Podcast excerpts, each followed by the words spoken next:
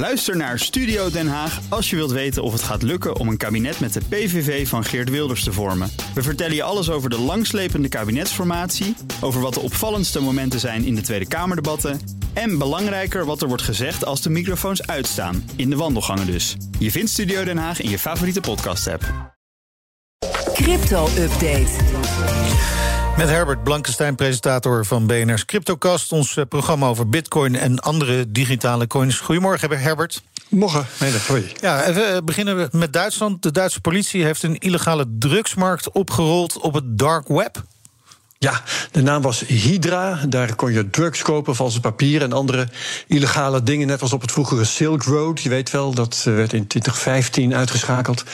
En Hydra was een marktplaats in het Russisch. Was gericht op klanten in Rusland en in een stel van die vroegere Sovjet-republieken. Maar volgens Coindesk wel de grootste ter wereld van het moment. Uh, was actief sinds datzelfde jaar 2015. En uh, in 2020 zou er een omzet zijn geweest van 1,23 miljard euro.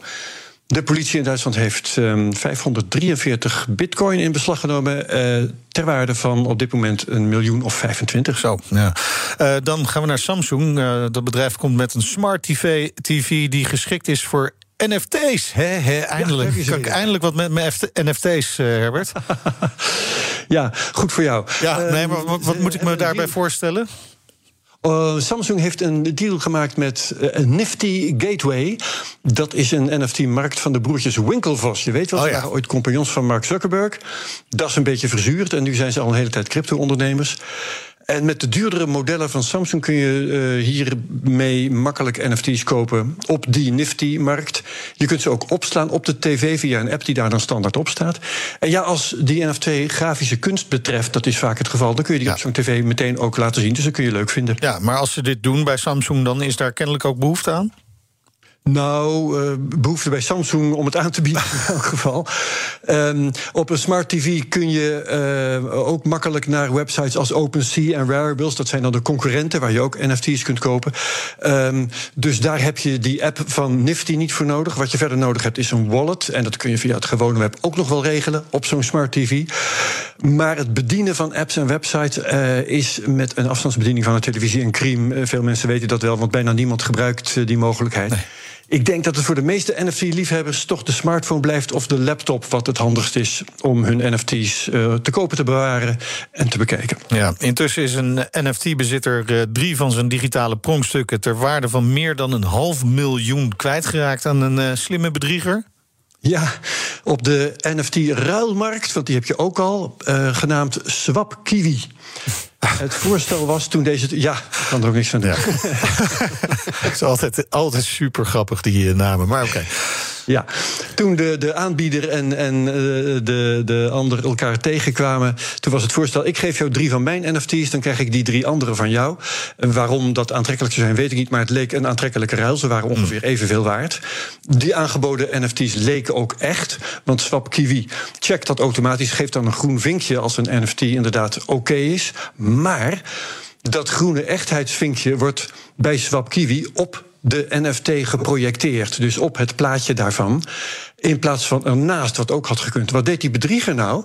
Die maakte waardeloze kopieën van zijn NFT's, gewoon plaatjes, plakte ja. daar in Photoshop het groene echtheidsvinkje oh, jeetje. En was zo in staat om bagger te ruilen voor 567.000 dollar aan, uh, nou ja, zeg maar kunst, digitale ja. kunst, ja. echte NFT's. Uh, van ruilen komt huilen, uh, kun je hier wel zeggen. Maar, maar zal die, die zwendelaar zijn buiten ook echt kunnen verkopen? Nou, dat is echt de vraag. Want weet je, dit kun je goed vergelijken met het stelen van een bekend schilderij, hè, een Vermeer of iets dergelijks. Uh, van Gogh. Als alle musea en galeries um, zo'n werk kennen en ervan op de hoogte zijn dat het gestolen is, en dat is hier ook het geval, dan is zo'n gestolen kunstwerk eigenlijk onverkoopbaar, behalve aan hele malafide mensen voor een hele slechte prijs. Hmm. Dus dat denk ik, maar het is wel afwachten waar deze dingen weer opduiken. Goed, gaan we nog naar een ingewikkelde aanval op uh, de hardware wallets van het merk uh, Trezor? Ja, veel onheil vandaag in de crypto-update.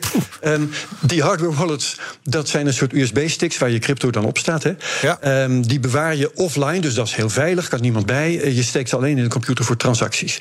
Nou, de boeven hebben niet de Trezor gehackt. Dat zou heel knap zijn geweest, dat is best moeilijk. Maar ze hebben de e-mail e-maildienst Mailchimp te pakken genomen. En zo hebben ze een mail kunnen sturen aan alle abonnees van de nieuwsbrief van Trezor. Dus in de meeste gevallen bezitters van zo'n wallet. En wat stond er in die mail? Dat er een beveiligingsprobleem was geweest bij Trezor zelf. Maar dat was dus niet waar. Ah, ja. En er kwam een link mee naar een update die dat gefingeerde probleem zou verhelpen. Die update was vals en probeerde de Trezorbezitters te verleiden om de codes in te toetsen waarmee je zo'n wallet dan kunt herstellen. Nou, als ze dat deden, dan stelden ze daarmee de boeven in staat om Oh, hun wallet over te nemen. Dus het was een hele gecompliceerde Ja. phishing-actie. ja, precies. Ja. Maar hebben veel mensen dat gedaan?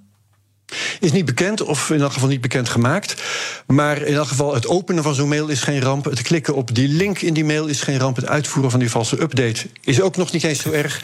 Pas als je die codes intikt, de seed noemen ze dat... Ja. dan zorgt dat ervoor dat de onverlaten bij je crypto kunnen ko- komen. En dan is er ook weinig meer aan te doen. Ja. Maar ja, als het goed is, dan weet iedereen dat je die seed nooit geeft...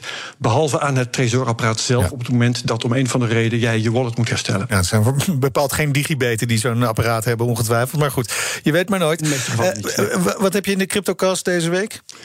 De juridische lotgevallen van Craig Wright, dat is de Australische IT'er die zegt dat hij Satoshi Nakamoto is, de uitvinder van Bitcoin. Hij is altijd verwikkeld in rechtszaken. Heeft er pas weer twee verloren, want dat doet hij meestal. Ja. Ehm, de ene kost hem 43 miljoen dollar, die hij ook helemaal niet heeft, naar alle waarschijnlijkheid. De andere zorgt dat hij vooralsnog niet de 100.000 bitcoins krijgt waar hij zegt recht op te hebben, maar dat is waarschijnlijk ook niet waar.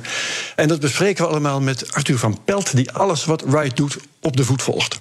En wij volgen jou weer op de voet. Dankjewel, Herbert. Alle afleveringen van de CryptoCast zijn te beluisteren via de BNR-app, bnr.nl of de podcast-app die jij gebruikt. Crypto-update wordt mede mogelijk gemaakt door Amdax. Alleen voor de serieuze cryptobelegger. En dan gaan we Ook Liesbeth Staats vind je in de BNR-app. Ja, heel handig. Luister live naar Kees en mij tijdens de Daily Move. Dan blijf je ook gelijk op de hoogte van breaking news en het laatste zakelijke nieuws. En daar vind je ook alle BNR-podcasts, waaronder de Perestroikast. Download nu de gratis BNR-app en blijf scherp.